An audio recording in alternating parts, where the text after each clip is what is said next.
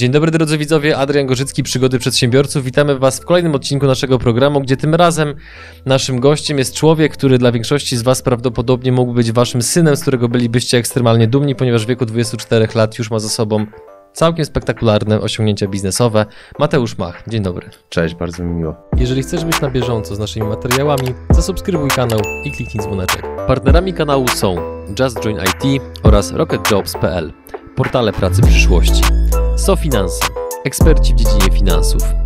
IBCCS Tax, spółki zagraniczne, ochrona majątku, podatki międzynarodowe. Linki do partnerów znajdziecie w opisie filmu. Jak się jest dzieckiem, to często dzieci chcą być e, strażakiem, lekarzem i tego typu chcą wykonywać zawody.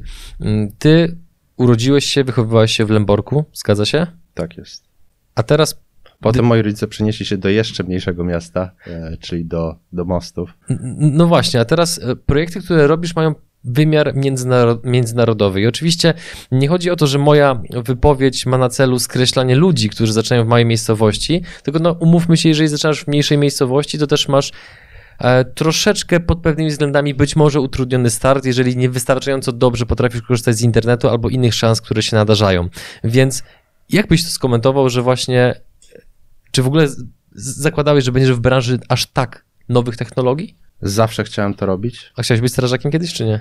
Myślę, że nie. Pływakiem. E, Mhm. Przez 8 lat pływałem nawet e, na etapie Mistrzostw Polski. E, To było pływanie wyczynowe. Sporo mnie nauczyło, ale ta technologia zawsze, zawsze była na topowym miejscu w tej hierarchii tego, co było dla mnie ważne.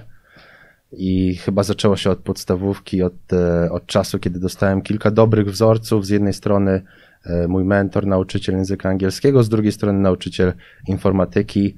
E, I to myślę, że oni pokierowali mnie w tym kierunku naprawdę technologii, które są Mhm. postrzegane jako te najnowocześniejsze w branży. A co ci nauczyciele takiego robili, że w pewien sposób cię zainspirowali? No bo pewnie orientujesz się, że pedagodzy w, w polskiej edukacji nie mają najlepszej reputacji, jeżeli można tak to delikatnie nazwać. A ty miałeś aż szczęście do, do dwóch mentorów, którzy, jak twierdzisz, mieli dość istotny wpływ na twoje życie. Tak, no jakość edukacji w Polsce to jest e, temat, na który można by było pisać eseje. Ja sam się kiedyś pokusiłem napisać kilka artykułów na ten temat. E, Pewnie rozmawiając z e, dziećmi w wieku szkoły podstawowej, no też usłyszysz to, że na przykład na lekcji informatyki, która no jest tak ważna teraz, tak?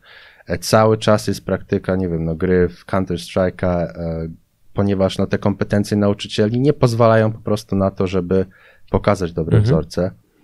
E, Miałem bardzo dużo szczęścia, nie wiem, czy to nie było najszczęś... nie wiem, czy to nie był najszczęśliwszy zbieg okolicz... okoliczności, który się zdarzył u mnie, ale nauczyciel informatyki szkoły podstawowej to był nauczyciel z pasją. Pamiętam jeszcze do dziś, jak program- programowaliśmy takie pierwsze animacje skaczących i odbijających się od krawędzi ekranu piłeczek. I to było już tam w drugiej, trzeciej, kla- e, trz- trzeciej klasie szkoły podstawowej. Mhm. Bardzo duża inspiracja, chyba pewnie przez to, że ja zawsze miałem e, taką smykałkę do tego, żeby tworzyć własne przestrzenie. E, no, jestem typową osobą z klasy średniej, z mniejszej miejscowości. Mm, Bardzo chciałem chodzić e, do, do szkoły, czy to plastycznej, czy muzycznej. E, Nie było takiej możliwości. Ja myślę, że instynktownie ten taki mój umysł dziecka znalazł tą możliwość tworzenia własnych przestrzeni, własnych e, środowisk właśnie w internecie, właśnie przez to, że w prosty sposób można było stworzyć coś, stronkę, animację, e, prostą grafikę e, i do tego wystarczył tylko Mhm. e, nawet najtańszy komputer, a ten akurat miałem. A powiedz, jak radziłeś sobie z taką, mm, nazwijmy to delikatnie, pewną odmiennością, no bo e, każdy z nas kiedyś był nastolatkiem i każdy z nas mniej lub bardziej przeżył to, że jeżeli w pewien sposób odstajesz od grupy, niezależnie od tego, czy to jest jakaś powiedzmy jakiś konkretny przedmiot w szkole, wtedy jesteś bardzo często kujonem na przykład, E, jeżeli jesteś za dobry w sporcie, no to jesteś nagle osiłkiem, zawsze jest jakaś ta, ta powiedzmy ta łatka trochę tak negatywnie przyklepywana. Nie wiem, czy tak jest, czy tak jest wszędzie i zawsze. Natomiast ja przez takie środowiska między innymi też przechodziłem i też to obserwowałem, gdzie ludzie, którzy w czymś się wyróżniali w wyniku najczęściej właśnie pasji i wystarczającej ilości czasu, którą poświęcali danej dziedzinie, potem często byli wytykani palcami tylko po to, żeby potem 10 lat później tych wytykających zatrudniać u siebie w firmie. Czy ty też taką czułeś odmienność, jeżeli chodzi o ciebie i twoje, e, twoje predyspozycje? U mnie to nie było ekstremum. E, znam osoby, które na, tym, e, na tej krawędzi ekstremum były, były wytykane właśnie mhm. przez to zaangażowanie się w naukę. I to też jest dla mnie niebywale ciekawy wątek, ponieważ no sam interesuję się tym, co można zrobić, jak można pomóc osobom w najmłodszym wieku, żeby jakoś ich nakierować na ten właściwy albo najbardziej efektywny tor rozwoju. E, często e, lubię po prostu wchodzić w rolę takiego przyszłego rodzica i myśleć o tym, jak ten proces edukacji może być w przyszłości zoptymalizowany. To, co było rozwiązaniem u mnie, to pewnie fakt zaangażowania się w kilka rzeczy naraz. No z jednej strony tak, ja dużo czasu poświęcałem e, komputerowi, dużo czasu poświęcałem kołom naukowym, z drugiej strony, no, to była klasa sportowa, e, do której zawsze zachęcała mnie mama, a klasa sportowa ma zawsze fajną reputację, więc e, no, Mateusz Mach w szkole podstawowej to na pewno nie był kujon. A kim był Mateusz Mach w szkole podstawowej? Ja myślę, że osobą, która zawsze próbowała wszystkiego. Mhm. Na przykład otworzyliśmy taki mini sklep wulkanizacyjny ze znajomym, którego rodzice mieli E, właśnie wulkanizację i w takim drewnianym domku sprzedawaliśmy stare, zużyte już opony. Kupowali? Myśleliśmy, że kupowali, ale okazało się, że właśnie to babcia tego znajomego specjalnie e, zapraszała tam swoje znajome albo znajomych, żeby myśleli, że, kupowa, żeby, że ktoś od nas coś kupuje i mhm. sama im płaciła za te opony. Czy z perspektywy czasu to brzmi jak dobra historia, ale w sumie ona robiła coś cennego dla was, no bo pokazywała wam pewną mechanikę e, rynkową, podaż, popyt. No i generowanie jakiegoś tam zainteresowania, bo drewniany domek też pewnie e, mhm. był czymś e, interesującym dla, dla przechodzących z wulkanizacji klientów. Zanim porozmawiamy trochę więcej o Twojej firmie, to e, ja bym Cię chciał jeszcze zapytać o Twój mindset pod kątem kwestii finansowych. No bo mm, w briefie, który mam tutaj przed sobą, jest napisane, że mm, masz 20 pracowników. Zgadza się? No teraz troszeczkę więcej, 23-4. Okej. Okay robicie około 3 milionów przychodu w najbliższym roku. Tak się spodziewacie, że tyle będzie. E, miałeś udział w kilkunastu udanych tokenizacjach i pozyskaliście ponad 20 milionów dolarów dla klientów. No i teraz, czy ty czujesz się zamożnym człowiekiem, powiedz? Na pewno nie czuję się, żeby czegoś mi brakowało. Mhm. Myślę, że czuję się zamożnym człowiekiem, wchodząc w taką perspektywę binarną, zero-jedynkową. E, w kontekście swoich doświadczeń. Wiesz, do czego zmierzam? Do tego, no bo branża krypto, e, blockchainowa, szerzej patrząc, charakteryzuje się tym, że ludzie, którzy są w tym wystarczająco długo, a ty jesteś już dość długo w tej branży, jak ile lat już to będzie? No, ponad pięć. No to, no to jeżeli chodzi o tą branżę, to to już jest kawałek, kawałek czasu. Więc no zakładam, że przez ten czas i przez te wszystkie aktywności, które między innymi tutaj zostały wymienione, no to siłą rzeczy musiałeś zgromadzić pewne aktywa. I teraz jestem ciekaw, jak te aktywa wpływają na Twoją psychikę, jako na stosunkowo wciąż młodą osobę. No bo wiesz, ludzie w wieku 24 lat kończą studia i e, często przedsiębiorczość u nich objawia się tym, że na przykład wykonują jakąś taką dorywczą pracę, a ty działasz już na skalę międzynarodową od kilku lat. Więc co powoduje, że nie odbiła ci sadówka, albo być może odbiła i ją przerobiłeś? Wiesz co, tak się zapędziłem, mówiąc, że jestem albo czuję się zamożnym. E, myślę, że przez pryzmat tego, że ostatnie kilka miesięcy spędziłem w Polsce, a tak jak zaznaczyłeś, no, u mnie większość czasu, większość projektów, e, w których brałem udział, e, to były projekty zagraniczne. I co to znaczy być zamożnym? To jest milion złotych w liquid cash, to jest 10 milionów, 100 milionów. Jak pojedziesz do Nowego Jorku, ja tam byłem i mieszkałem e, prawie dwa lata, e, no to multimilioner z rezydencją Hampton i majątkiem wycenianym na setki milionów dolarów wciąż może się nie czuć zamożnym w mhm. kontekście czysto monetarnym, takim finansowym. E, I nie wiem w ogóle, czy to jest dobre pytanie, żeby je rozważać. Mhm. No bo Dlaczego? Myślę, że, że dlatego, że ona nie ma jakiegokolwiek albo bardzo mały wpływ na, na jakość życia, którą, mhm. którą możesz mieć, na te najbardziej proste doświadczenia, które, które wpływają na poczucie satysfakcji, na szczęście, na spełnienie.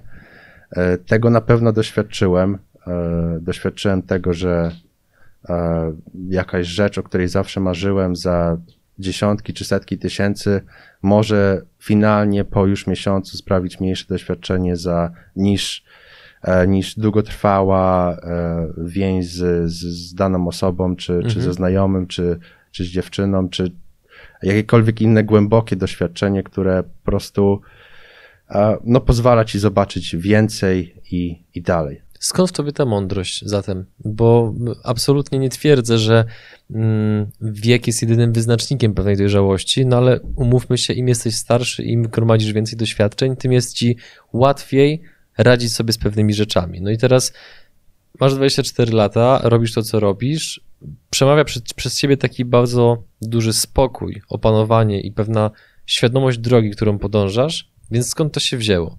Zamiast na przykład Lambo, potężny apartament w Warszawie i takie życie od weekendu do weekendu. No moja ścieżka to jest ścieżka kontrastów. I te kontrasty, odpowiedzialność, która się z nimi wiąże, no to jest coś, co musiałem sobie przeprocesować w głowie sam. Mhm. E, no i to się zaczyna od samego początku tej mojej drogi, tak, czyli e, od e, osoby, która jest z bardzo małej miejscowości, która zawsze musiała no, pracować sobie na to, nawet żeby pójść na te dodatkowe lekcje angielskiego samemu, która potem przez pryzmat pierwszego wyjazdu do większego miasta, czyli no to była Gdynia, tak, ale wciąż mieszkałem przez trzy lata w internacie, otoczony osobami naprawdę z elitarnej y, społeczności. To była szkoła dwujęzykowa, jak akurat robiłem IB. E, no i potem jeszcze dalszy wy, y, wyjazd, czyli spędzenie czterech lat w Abu Dhabi, gdzie mm, no te mindsety e, osób, które poznałem, to było dla mnie na początku coś abstrakcyjnego, tak? Podaj jakiś przykład, żebyśmy zrozumieli te kontrasty między tobą a tymi ludźmi. Ja myślę, że, że taki najbardziej prymitywny przykład, który przychodzi mi do głowy na samym początku, to jest to, jak ja rozpatruję podróże versus jak te osoby rozpatrują podróże. E, ja myślę, że, że bez wątpienia raczej jestem podróżnikiem aniżeli turystą. Mhm. E, w kontekście tego, co, co lubię robić, co sprawia mi satysfakcję. No i podróże to był taki wątek u nas na uniwersytecie, chyba poruszany w tych takich pierwszych rozmowach zapoznawczych, e, no jako najluźniejsza forma dyskusji. E, no i przez to, jak dużo było osób z Emiratów, ze Stanów, e, łącznie na naszym uniwersytecie to było NYU, to jest 96 różnych narodowości.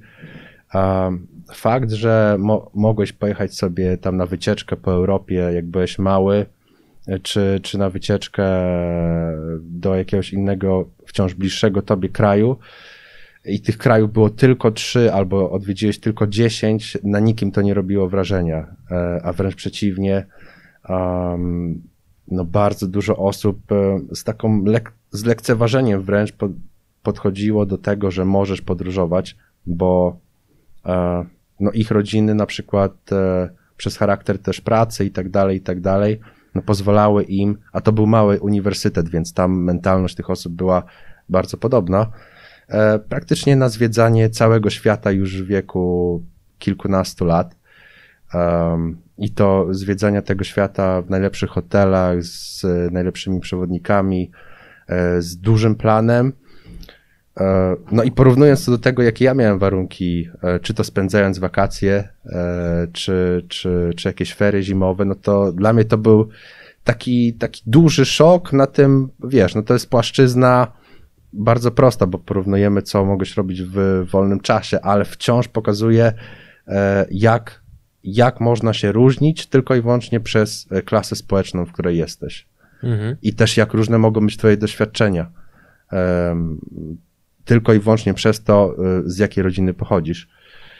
I na to trzeba być gotowym, tak? I, i to zawsze jest z tyłu głowy. Moim zdaniem, nieważne jak daleko pójdziesz, tak tak, no powinieneś wiedzieć, gdzie ta droga się zaczyna. Zanim porozmawiamy o Next Rope, to powiedz w telegraficznym skrócie, proszę, naszym widzom, mm, ci, którzy o tobie jeszcze nie słyszeli, no bo wielokrotnie już pojawiałeś się w mediach z racji tego, że e, no z powodu, jak nie mam połączenia ciekawych osiągnięć zawodowych z dość młodym wiekiem. Między innymi interesował się tobą również Forbes, interesuje się zresztą nadal.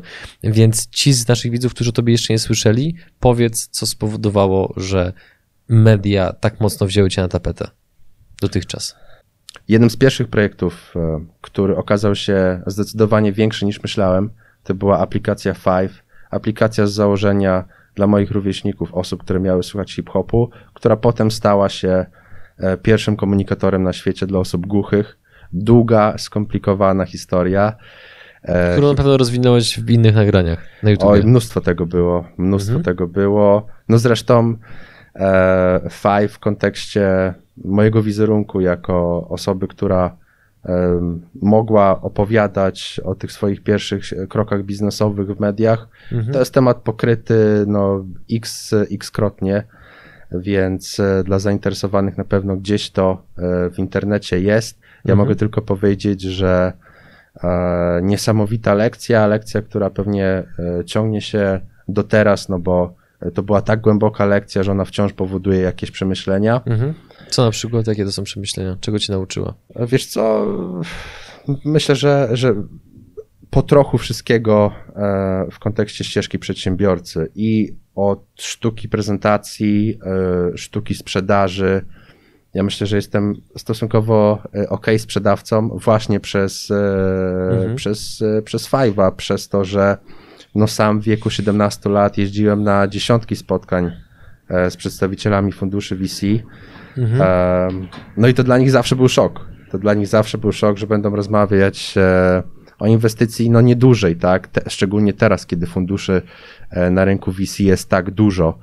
E, nawet sam miałeś kilku gości, którzy takie fundusze otwierają i to są fundusze wspierane przez państwo o budżetach tam pewnie 50-60 milionów i takiej kapitalizacji. Wtedy to były fundusze trzyjedynkowe z Unii Europejskiej, więc e, nawet te 500-600 tysięcy złotych, bo takie były wtedy rundy, były postrzegane jako rundy duże albo umiarkowanie duże dla startupu e, seedowego albo poseedowego. E, no i były dedykowane raczej dla doświadczonych już przedsiębiorców. Ja musiałem tą ścieżkę sobie wypracować od zera. E, sporo tam, sporo tam na niej było skrótów, na które wpadłem. Jednym z takich skrótów było. Właśnie to miałem pytać, wyprzedziłeś mnie. E, było poświęcenie dużej uwagi zagranicznym mediom. E, wiesz, no teraz to jest coś neutralnego dla startupowca, żeby myśleć globalnie od samego początku, kiedy prowadzi biznes. Ja zrobiłem to raczej ne, raczej neutralnie albo naturalnie, naturalnie, aniżeli osoba, która gdzieś wy, wyczytała, że o, trzeba iść globalnie. E, u mnie po prostu pojawił się pomysł, że skoro mam i tak poświęcić te 10 godzin na pisanie do mediów, no bo jeżeli jesteś osobą bez networku, to na tym opiera się sprzedanie tej historii mediom, tak? Trzeba mhm. po prostu usiąść, zrobić research, e, sprawdzić, jaki dziennikarz interesuje, interesuje się czym i do niego napisać. To skoro mam tą energię poświęcić na rynek polski, dlaczego by nie zrobić tego za granicą? Znalazłem dziennikarza e, Business Insider tej globalnej edycji, mm, Mata e, Weinbergera, który zapostował, zatweetował o ostatnim albumie Kanye Westa no i ja wdałem się z nim w dyskusję e, po prostu na temat tego albumu e, Kanye, bo Kanye West jest e, moim największym autorytetem muzycznym. Wiem, jakie ma, jak kontrowersyjne są o nim opinie. Ja po prostu interesuję się konkretnie jego muzyką, to jak dużą rewolucję muzyczną wprowadził. Stanie prezydentem? Nie chciałbym, żeby został. Myślę, że też nie będzie startował. Mhm. Myślę, że to jest cały czas część jego planu marketingowego który się e, moim zdaniem sprawdza e, i cały czas wpływa na to, że więcej osób może usłyszeć te jego innowacje muzyczne, które wprowadza. No i e, kontynuując tą rozmowę z Matem przez x tweetów, Po prostu powiedziałem może w sumie ja też e, rozwijam taki e, pomysł, taki projekt, który ma związek z branżą hip-hop, jest tam osadzony. Dlaczego nie, dlaczego nie umówilibyśmy się na Skype? To była ciężka rozmowa. E, Ja wtedy jeszcze średnio sobie radziłem, e, mówiąc po angielsku. To były moje początki pierwszych rozmów, na pewno się tam mocno stresowałem. Każdy kiedyś zaczynał. E, tak, a miałem niecałe 17 lat wtedy, jak z nimi rozmawiałem. No to Mateusz. Halo, no. Niech widzowie dajcie znać w komentarzach, co wy robiliście w wieku 17 lat. Ale myślę, że też rezultat tej rozmowy o tym, o tym świadczył, e, bo no, Matt nie odezwał się tam przez potem kilka tygodni, kilka miesięcy. E, Odezwał się do mnie trochę później, no ale jak już się odezwał, e, to po tej naszej kolejnej rozmowie to było niesamowite, ale porozmawialiśmy i następnego dnia dosłownie e, ta moja historia, historia rozwoju Five'a była e, globalnym coverem całego Business Insidera na świecie. Czułem się nawet jak celebryta, budząc się w internacie, bo ja mieszkałem w takim czteroosobowym, malutkim pokoju w, tym, w tej gdyńskiej trójce. Świetnej szkole, e, szkole, która, która nauczyła mnie bardzo dużo.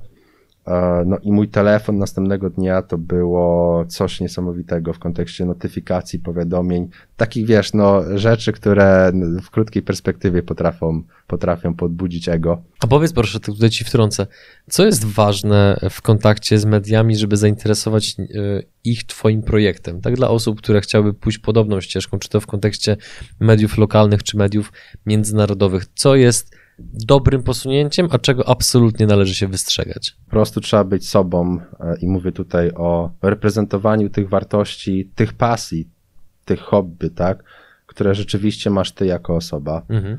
E, Ja mógłbym tutaj, i nawet próbowałem czegoś takiego w Abu Dhabi, mógłbym tutaj e, przyjechać w marynarce, koszuli, mógłbym starać się dostosować do, do Was, do przedsiębiorców, e, którzy, którzy to, to oglądacie. Em, Też nie chcę jakoś generalizować naszego środowiska, bo sam określam się jako przedsiębiorca, Jasne. ale e, no, myśląc przedsiębiorca, masz, e, masz w, głowie jakiś taki typowy wizerunek osoby e, z fajną kamizelką, z fajną białą koszulą. Nie wiem, do czego pijesz. I em, to są akurat moje doświadczenia, tak? I Mhm. trochę tej odmienności, ale odmienności nie na siłę znowu, no bo jak to ci się podoba, no to po co to zmieniać, tak? Ale tej szczerości i pokazania jak nie całości, tak przynajmniej trochę tego własnego koloru. E, No bo każdy człowiek ma jakiś kolor, tak? Mhm.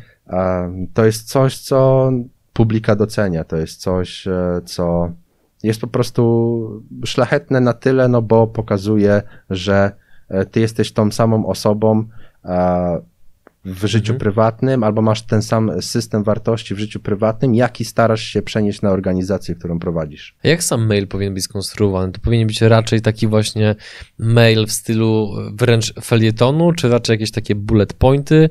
Czy jak to powinno być wedle Twoich doświadczeń? Które maile działały najlepiej? Jaka konstrukcja? clickbaitowa. E, Konstrukcja clickbaitowa. E, No, obecny świat to jest świat e, zbyt Mhm. dużej informacji, a nie w tą drugą stronę, czyli jakiegoś niedostatku tego kontentu. Jest Mhm. tyle kontentu, że budzisz się, możesz otworzyć TikToka i spędzić na nim trzy godziny. Ja akurat nie mam tej aplikacji, ale znam osoby, które, które tak robią. Sam tak robiłem zresztą. A jak będziesz miał, to zaobserwuj przygody przedsiębiorców, dobra? Pewnie, pewnie. Super, deal. E, a zaobserwujcie mnie, bo raz miałem tam takiego TikToka, gdzie e, na pustyni właśnie w Abu Dhabi, usunąłem go, ale e, to był duży TikTok. Mhm. Poszliśmy ze znajomym e, i motywem przewodnim były sporty w Emiratach Arabskich i po prostu wspięliśmy się na jedną z największych wydm i turlaliśmy się po prostu, turlaliśmy się z tej wydmy. Kolejną alternatywą sportu było wzięcie deski snowboardowej i zjeżdżanie właśnie na desce, Tego próbowałem w Dubaju akurat. nie ze śniegu, ale z Mhm. To już się już nie tak mocno podobało. Mhm. E, No co pokazuje też, że raczej ten content musi być e, no, wykraczający poza te Mhm. standardy normy. No, to wracając do wątku biznesowego. Był Five, co było dalej? Był Five, był, był mój wyjazd e, do, do Abu Dhabi, Mhm. który bez wątpienia ja postrzegam osobiście jako część tej e, ścieżki biznesowej. Mhm. Pojechałem tam na studia. To był chyba trochę game changer dla ciebie, co? Jakby nie patrzeć, czy nie? To zmieniło wszystko. Aha. To zmieniło wszystko, zmieniło moje szanse, osoby, które były mi bliskie. E, to właśnie dzięki wyjazdowi do Abu Dhabi e, poznałem pierwsze osoby, które e, zajmowały się krypto na świecie, myślę. No bo mhm. Dubaj, który jest raptem niecałą godzinę od Abu Dhabi, no to jest stolica finansów. Wiele osób się z tym nie zgadza, ale wciąż jest na pewno bliżej serca finansów w mhm. Dubaju niż chociażby w Warszawie, tak? Powiedz, jaką cenę zapłaciłeś za to, żeby tam się wyprowadzić, żeby tak mocno zmienić losy swoje prywatne, jak i zawodowe? No bo z tak dużymi zmianami to one nigdy nie odbywają się w sposób bezkosztowy. Jakąś cenę ponieść musiałeś? Co to była za cena? Tak, no u mnie e, to na pewno było odseparowanie się od tego, na co poświęciłem setki godzin, tysiące godzin E, od wszystkich e, kontaktów biznesowych w Polsce, no bo to był jednak wyjazd na ponad 4 lata, blisko 5 lat, od e, myślę znajomych prywatnych. No akurat z mamą i z rodziną byłem zawsze w dobrym kontakcie telefonicznym, ale to wciąż był mhm. kontakt no, telefoniczny, a to nie są studia w Wielkiej Brytanii, gdzie moi rodzice mogli po prostu sobie tam przylecieć, no bo nie mieli takiej możliwości wtedy jeszcze a no to była duża separacja, taka emocjonalna od wszystkiego tego, do czego byłem przyzwyczajony. No to się to, wyszło na dobre czy, czy, czy na złe? To jest duża lekcja. E, każda lekcja ma e, swoje, swoje konsekwencje e, i każda lekcja niesie za sobą naukę, tak? Ja myślę, że to była bardzo cenna lekcja, z której nigdy w życiu bym nie zrezygnował, mhm. która dodała do, do mojej osobowości taki globalny aspekt, który ciężko sobie wykształcić w Polsce. Postawię taką tezę.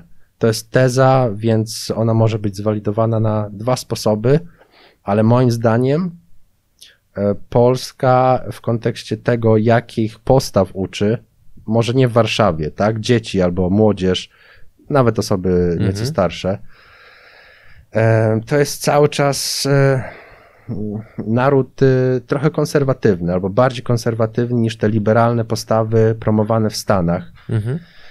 I, I to widać. Ja myślałem, że ja byłem o tym świadomy, jakie są opinie o, o wschodniej części Europy, tak?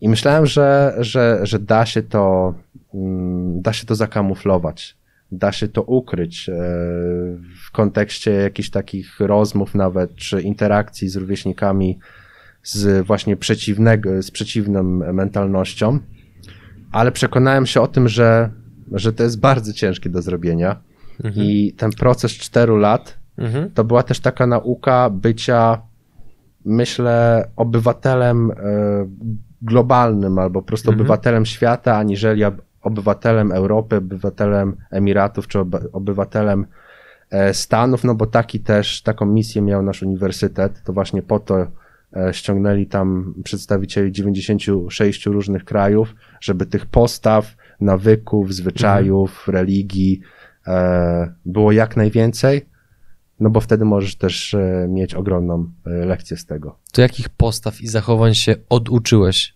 które siłą rzeczy nabywałeś przez te wszystkie lata w Polsce? Na pewno mm, ja byłem zawsze taką stanowczą osobą, która no mimo młodego wieku miała wypracowany punkt widzenia na jakiś temat i albo dążyła w stronę jego realizacji i to jest przykład pewnie jakiejś tam determinacji większej niż średnia w Five'ie, albo z drugiej strony kompletnie ignorowała ten temat, jeżeli nie widziałem tam potencjału. A myślę, że ta otwartość e, i na nowe zwyczaje, i na nowe kultury, zobaczenia e, tego, jak dużo różnorodności jest e, naokoło mnie, na każdym kroku. Każde wyjście u nas mhm. do restauracji na uniwersytecie to, to była nowo poznana osoba, no i historie, o których ja jako osoba wychowana w Polsce nigdy bym, bym sobie nie pomyślał. No daj chociaż jedną. Mateusz, nie bądź taki, daj jedną. Ja może powiem e, o, o tej śmieszniejszej. Mhm, dawaj. Mm, nasz uniwersytet e, poprosił każdego z studentów przyszłych, żeby na ten okres eliminacyjny, bo taki tam był, przywieźć ze sobą jedną rzecz, która jest tobie bliska. Ja przywiozłem taki mini keyboard, bo ja zawsze lubiłem robić muzykę, albo przynajmniej uczyć się robić muzyki. No i po prezentacji tej mojej historii odezwał się do mnie mój przyszły roommate, Jupiter, um, który jest z, z Seulu, z Korei. No i powiedział, że on też w sumie robi muzykę, e, też tutaj mamy, widzę, podobne pasje. Już wtedy zaproponował mi, że musimy razem być roommate'ami, on nie widzi w ogóle innej opcji. E, no i okazało się, że mm, on rzeczywiście był związany z muzyką, ale nie w ten sposób, bo e, po przyjeździe on pierwsze co zrobił, to mnie przeprosił, że on jednak nie robi tej muzyki, ale on zbiera słuchawki. I w pokoju w tym internacie on miał e, słuchawki za 70 tysięcy dolarów łącznie. Różne słuchawki, takie dla audiofili. Mhm. No i e, na przykład jego mentalność, e, to jakie on miał nastawienie, to jest oczywiście wyjątek, tak, ale on to pokazuje, jak ciekawe osoby były w tym mhm. miejscu. To było coś takiego, że o 18 codziennie prosił mnie, żeby przynieść mu z restauracji tam kanapkę, lunch czy, czy, czy kolację. No i w tym pierwszym miesiącu ja z chęcią to robiłem, nie całym pierwszym miesiącu, no bo on w tym czasie brał prysznic, był w pokoju, ale potem mnie to zaczęło no, irytować, denerwować, tak? A, I zapytałem się na Jupi, o co chodzi, przecież ta restauracja jest raptem 300, 300 metrów stąd, dlaczego ty sobie nie możesz wziąć sam, pójść po tą kanapkę, tak? no wiesz co, bo jak ja e, wyjdę, to wszystkie te bakterie, drobnoustroje się zaczną osadzać na, na mojej głowie, będę musiał znowu wziąć ten prysznic, a jak nie wezmę i zacznę słuchać tej muzyki, to to zacznie przechodzić do słuchawek i będzie mi niszczyć słuchawki. I wiesz, co ta osoba teraz robi?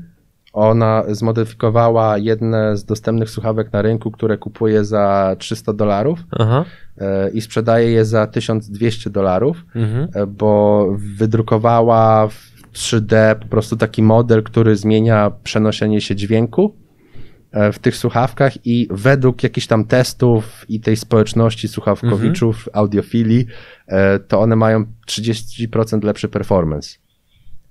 I ludzie są mhm. w stanie za to płacić. E, Niesamowite. Kupować tam kilkadziesiąt sztuk tego miesięcznie od niego. Mhm.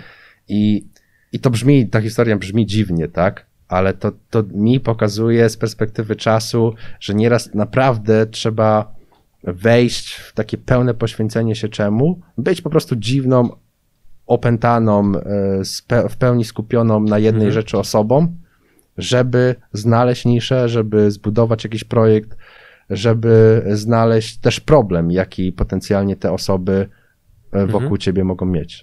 Dzięki, że jesteś z nami i oglądasz nasze filmy. Chcielibyśmy przekazać Ci krótką informację. Przygody przedsiębiorców to nie tylko wywiady. Na co dzień zajmujemy się przede wszystkim wideomarketingiem na YouTube. Jeśli chcesz, aby Twoja firma zaczęła generować lidy z platformy, która zrzesza ponad 20 milionów użytkowników w samej Polsce, to wejdź na przygody.tv i sprawdź, jak możesz z naszą pomocą skorzystać z potencjału YouTube'a, zanim zrobi to Twoja konkurencja. No i teraz właśnie, jaki problem Ty obecnie rozwiązujesz? Jaki problem rozwiązuje Twoja firma? No bo wchodzisz w bardzo, w bardzo świeżą branżę, gdzie wielu przedsiębiorców mm, ledwo oswoiło się z internetem i mediami społecznościowymi, a tutaj nagle już wyskakuje blockchain i cały ekosystem wokół tego. Więc prostymi słowami, jak gdyby pytała cię osoba po 50 czy po 60, albo nawet jeszcze starsza, Mateusz, co ty robisz zawodowo? Teraz. To się zmieniało. E, ja zaczynałem z blockchainem, swoją przygodę z blockchainem 5 lat temu i wtedy, już przechodząc do samego sedna, które cię interesuje, tym problemem e, było ciężkie e, pozyskiwanie kapitału z kilku krajów naraz i ten problem rozwiązywała tokenizacja. Ja jestem autorem jednej z pierwszych 30 tokenizacji, które się odbyły w ogóle na, na świecie. E, to był projekt Opus, mm, który, który zebrał naprawdę fajne opinie mhm. i zebrał też e, dużo, dużo kapitału w, jak, na, jak na tamte czasy. Ile? No to było blisko 10 milionów dolarów mhm. E, w formie tokenizacji. To była, to była nieby, kolejna, kolejna niebywała lekcja, ponieważ po pierwsze, my działaliśmy, kiedy w branży nie było jakichkolwiek standardów tego, jak przeprowadzać tokenizację. E, to, co było, to ICO, czyli Initial Coin Offering, właśnie zbiórka e, środków w formie sprzedaży tokenów. Mhm. Brzmi to ok? Nie. E, Co to znaczy? To jest alternatywa crowdfundingu, Okej. którego myślę zasady są dość klarowne. Tak? Jest jakiś pomysł, jest firma, która chce pozyskać finansowanie na rozwój swojego produktu i na przykład e, wydaje rundę crowdfundingową, obiecując przyszłym nabywcom czy kupującym, że dostaną ten produkt, jak on zostanie zrobiony, albo że będą mogły korzystać z niego. To czym ICO różni się bądź jest lepsze od crowdfundingu? Zazwyczaj dotyczy produktów e, software'owych, Mhm. e, pozwala na zbieranie funduszy w kryptowalutach, Okej. jest w pewien sposób em, dostępne dla większej ilości inwestorów czy nabywających tokeny, e, ponieważ no teraz e, regulacje i standardy pozwalają na to, żeby na przykład będąc w Estonii, e, zarejestrowanym podmiotem w Estonii zbierać kasę nie tylko od e, osób, e, które są w Estonii albo i w Europie, Mhm. ale zbierać tą kasę globalnie. E, Gdybym ja chciał zainwestować jakąś spółkę w Polsce jako obywatel Stanów Zjednoczonych, czy, czy, czy odwrotnie, wiadomo, jest to utrudnione, to nie jest takie oczywiste, że po prostu możesz to e, szybko zrobić. Mhm. Em, No to mi też pokazała ta przygoda pierwsza z funduszami e, inwestycyjnymi, z rozwijaniem Five'a. Mhm. Tokenizacja była odpowiedzią na, e, na ten problem.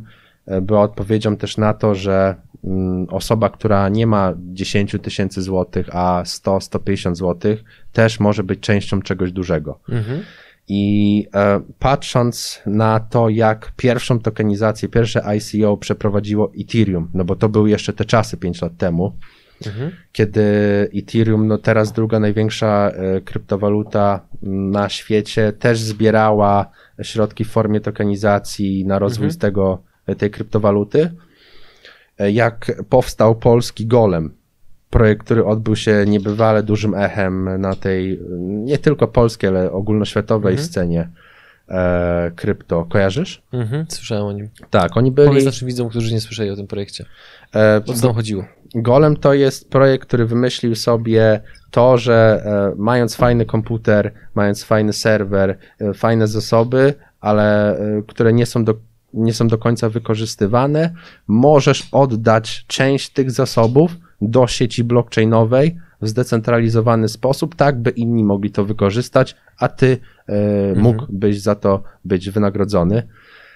Um, pomysł duży, taki nośny, e, to też e, było na samym początku powstawania różnych projektów stokenizowanych. Mhm.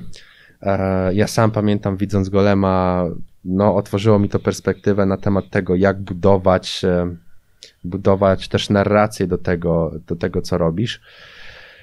I o ile się nie mylę, to Golem w pewnym momencie on był chyba top 5, na pewno top 10 e, kryptowalut na świecie Mhm. pewnie jakieś 4 lata temu.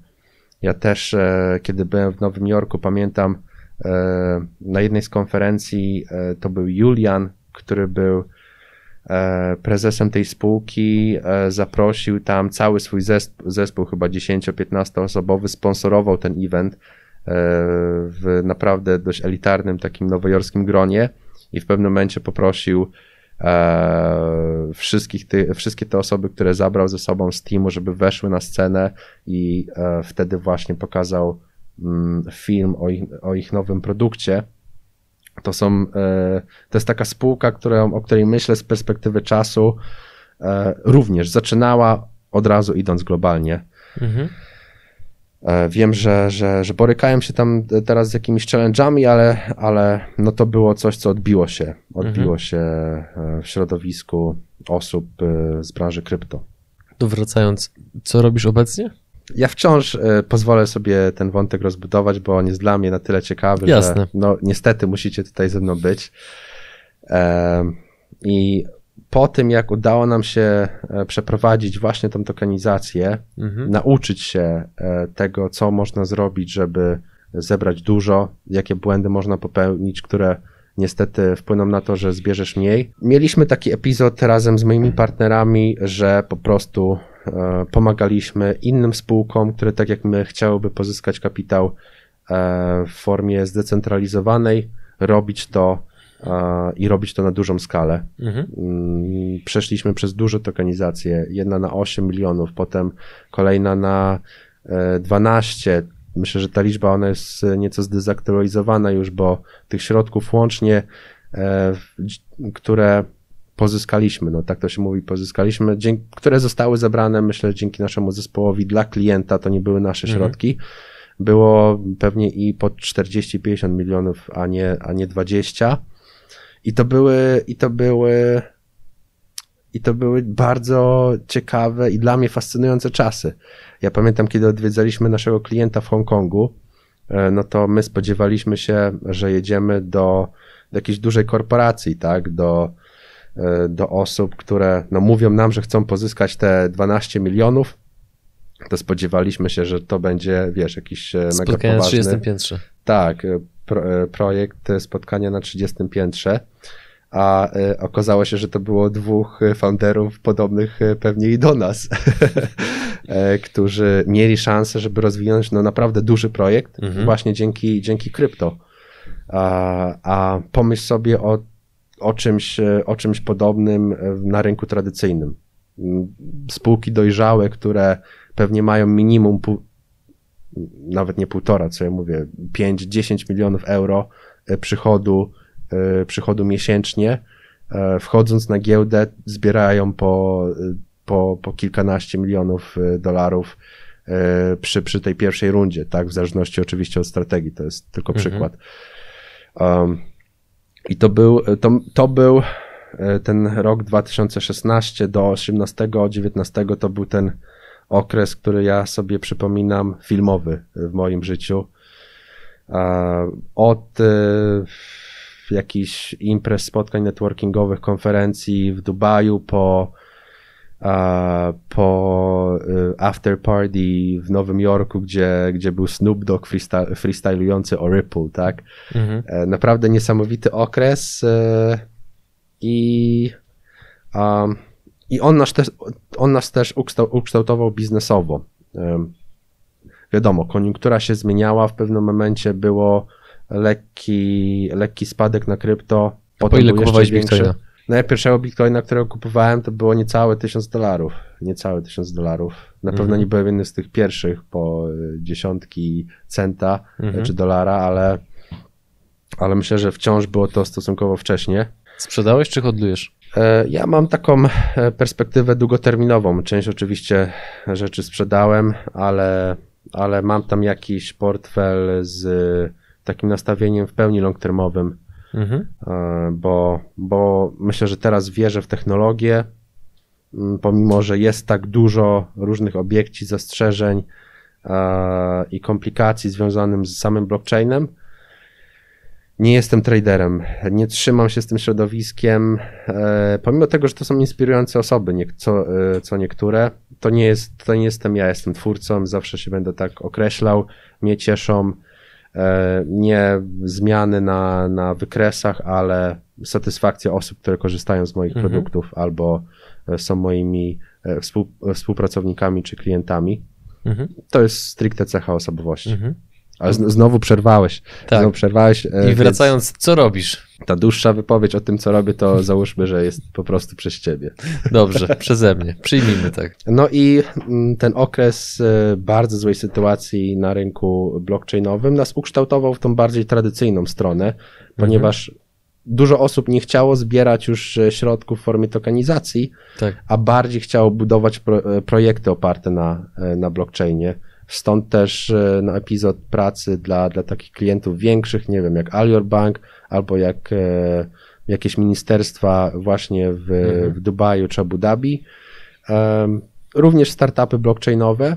No i to był ten początek, kiedy nasz zespół zaczął nabierać tą no dość niszową wciąż wiedzę na rynku, bo myślę, że jest mało, jest mało podmiotów, które po tym jak przyjdziesz do nich mówiąc, że chcesz budować jakąś zaawansowaną giełdę blockchainową, z opcjami, z, z alternatywą tego, co się dzieje na standardowych rynkach finansowych, są w stanie wejść w projekt e, i na przestrzeni tam 3-4 dni rozmawiać z tą konkretnie o tym, co można jeszcze zrobić lepiej w tym briefie, który masz. No i my to robimy. My to robimy, specjalizujemy się konkretnie w tym, żeby być ekspertami w blockchainie, nie bierzemy żadnych innych projektów. No jesteśmy software house'em, tak? Mhm. Wykonujemy oprogramowanie, ale robimy to w niszy blockchainowej i jesteśmy z tego dumni, bo ciężko było, e, ciężko było o to, żeby tą misję, którą mamy pitchować 4 lata temu, kiedy no każdy jakoś tam lekceważył blockchaina e, i to było raczej grono mniejsze aniżeli większe. Tak teraz e, w końcu myślę, że to jest nasz czas, e, bo no, nie ma, nie ma moim zdaniem w tym regionie Europy ekspertów z, z tą wiedzą, którą, którą na przestrzeni lat zdobyliśmy my. Odważna teza, natomiast nie, nie twierdzę absolutnie, że, że, że jest nieprawdziwa. Jestem ciekaw, co powiedzą widzowie. Niemniej e, doprecyzuj proszę tak bardziej łopatologicznie. Jesteście software house'em, który specjalizuje się w blockchainie, tak? Tak. Czyli co robicie? Tak, gdybyś miał wytłumaczyć babci. Budujemy platformy oparte e, na najpopularniejszych teraz blockchainach, czyli na Ethereum, mhm. E, na Binance Chain, na Ripple.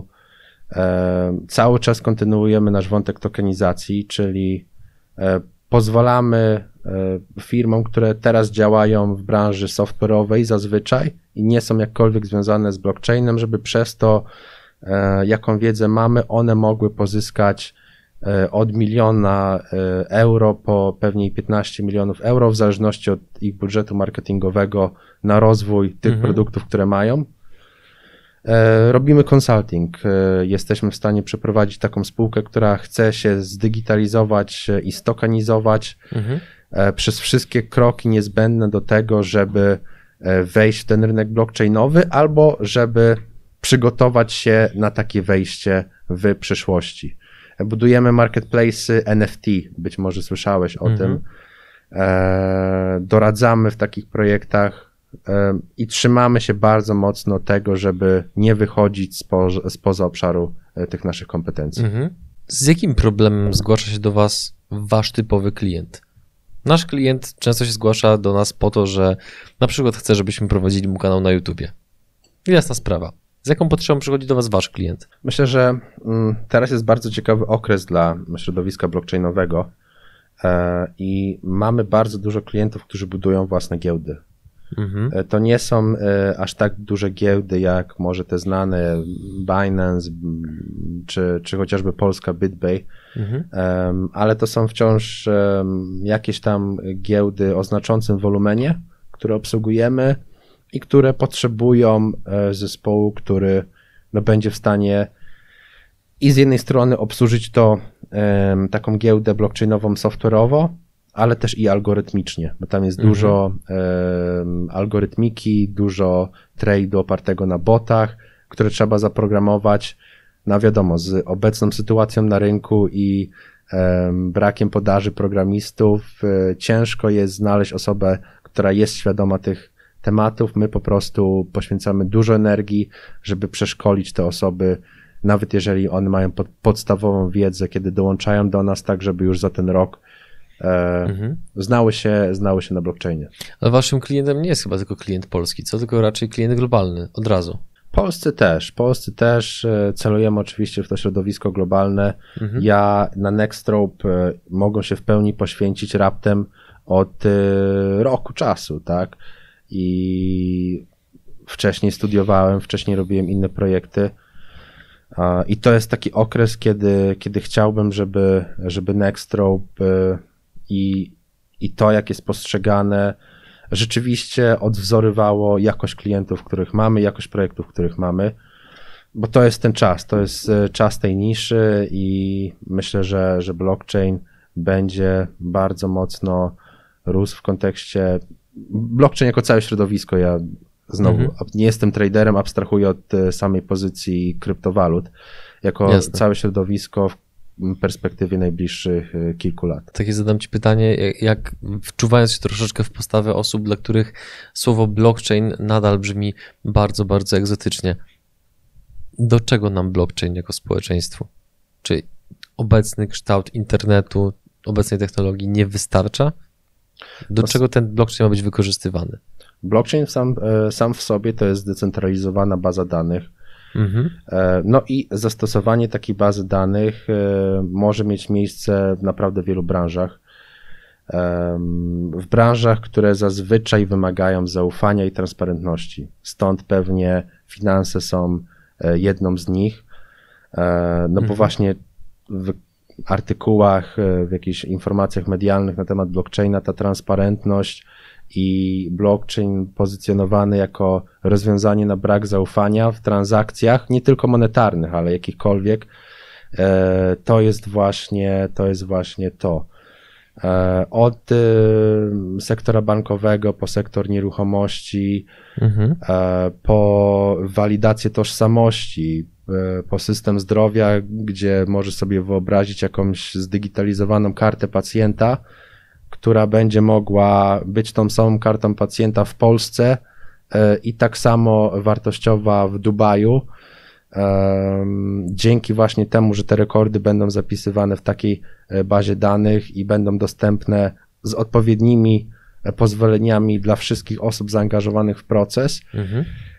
no to jest ta wizja, która, która jest promowana przez, przez osoby z naszego środowiska, ze środowiska blockchainowego. Ja miałem taki okres, że e, nie ukrywam, zwątpiłem.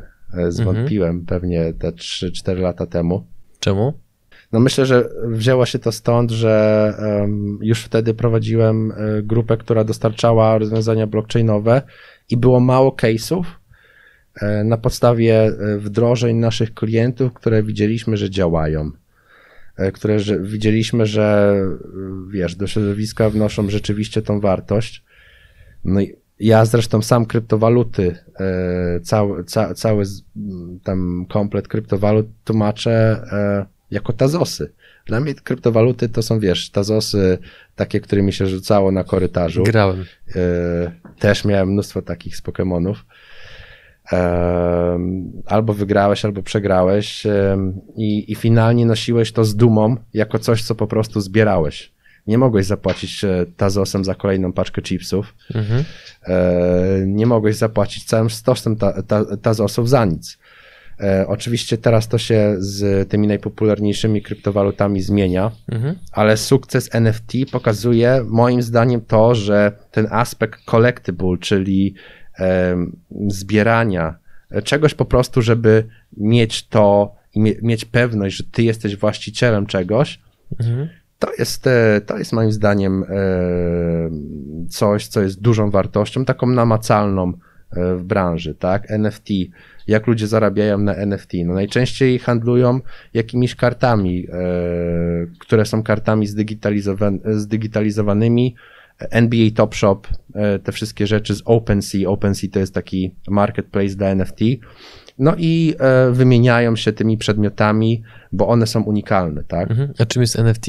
NFT to jest non-fungible token, e, czyli token niepodzielny, mhm. E, który reprezentuje jakieś tam konkretne dzieło, utwór, plik, e, hash, tekst mhm. za pomocą tokena. Zazwyczaj Ethereum, no bo od tego się zaczęło, ale teraz jest coraz więcej blockchainów, które pozwalają na tworzenie takich tokenów. Rozmawiałem z kilkoma osobami, które są dość mocno związane ze środowiskiem krypto i wielokrotnie słyszałem opinię, że temat NFT już jest dla nich zbyt odjechany, że pomimo tego, że siedzą w tym kilku, kilka lat, to NFT jest dla nich pewnego rodzaju już abstrakcją, której nie rozumieją. Jak byś się do tego odniósł? Ja myślę, że u mnie to jest e, właśnie odwrotnie.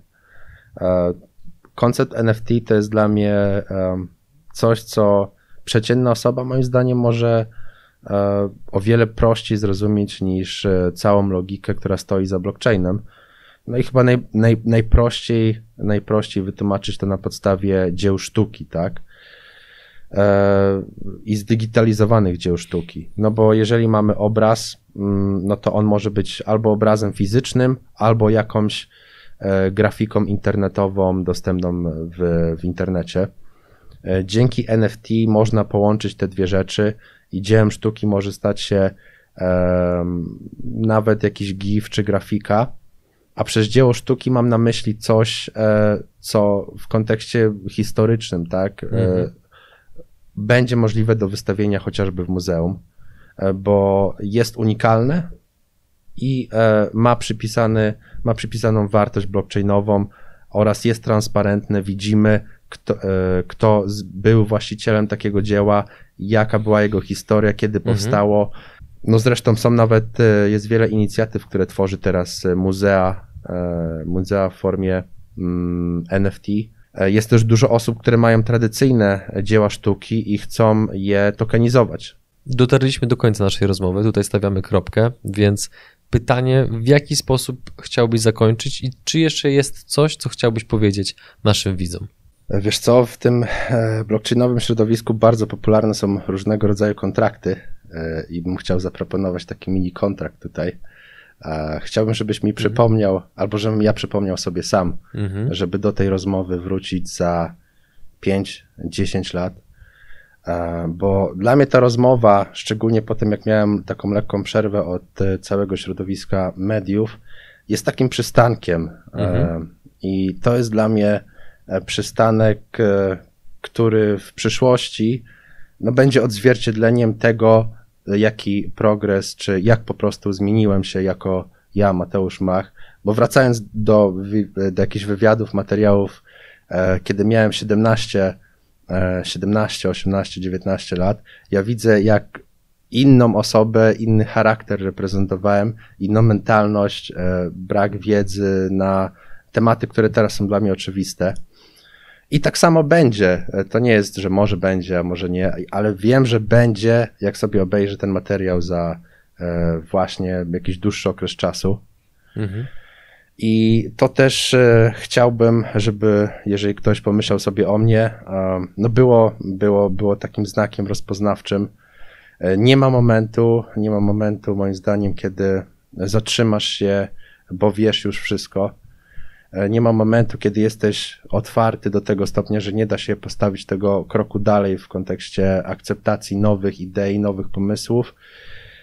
No nie ma, nie ma też jakiegoś miejsca, które po prostu jest E, jest stopem i powinno determinować, że, że to już jest dla ciebie koniec rozwoju.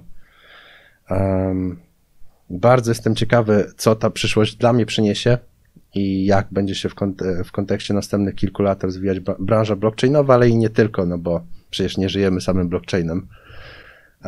Coś po nim na pewno przyjdzie. E, coś po nim na pewno przyjdzie i mam nadzieję, że wspólnie z widzami starszymi, jak i E, tymi e, mniej młodszymi e, będziemy mogli mhm. razem, razem również eksperymentować w tym, jakie nowe technologie będą, będą w przyszłości. No bo u mnie akurat to właśnie było tym głównym powodem, dla którego mogłem robić to, co robię, czyli zanurzenie się w to, co jest nieznane i to, co jest eksperymentalne na samym początku rozwoju. Drodzy widzowie, chciałbym Was prosić o brawa, ale na YouTubie za bardzo się nie da, więc e, kciuki w górę dla Mateusza za jego szczerość, za jego otwartość, za dotychczasową drogę, którą w młodym wieku jako przedsiębiorca już pokonał. E, Mateusz, bardzo Ci dziękuję za e, rozmowę. Tak jak Wielkie Ci dzięki. powiedziałem przed nagraniem i w trakcie przerw w nagraniu, to co robisz jest dla mnie pewnego rodzaju inspiracją, bo pokazujesz, że. Mm, można działać na arenie międzynarodowej, będąc e, młodą osobą, będąc Polakiem, że absolutnie nie musimy się niczego wstydzić ani niczego krępować przed resztą świata, co często jeszcze wśród Polaków pokutuje, więc e, ogromnie szanuję to, co robisz, podziwiam i trzymam kciuki za mm, działanie w takiej skali, żeby za każdym razem to wywoływało lekki niepokój, bo to jest podobno najlepszy wskaźnik tego, że idziemy w dobrym kierunku. Trzymam kciuki. Bardzo dziękuję za zaproszenie, było mi bardzo miło. Dzięki.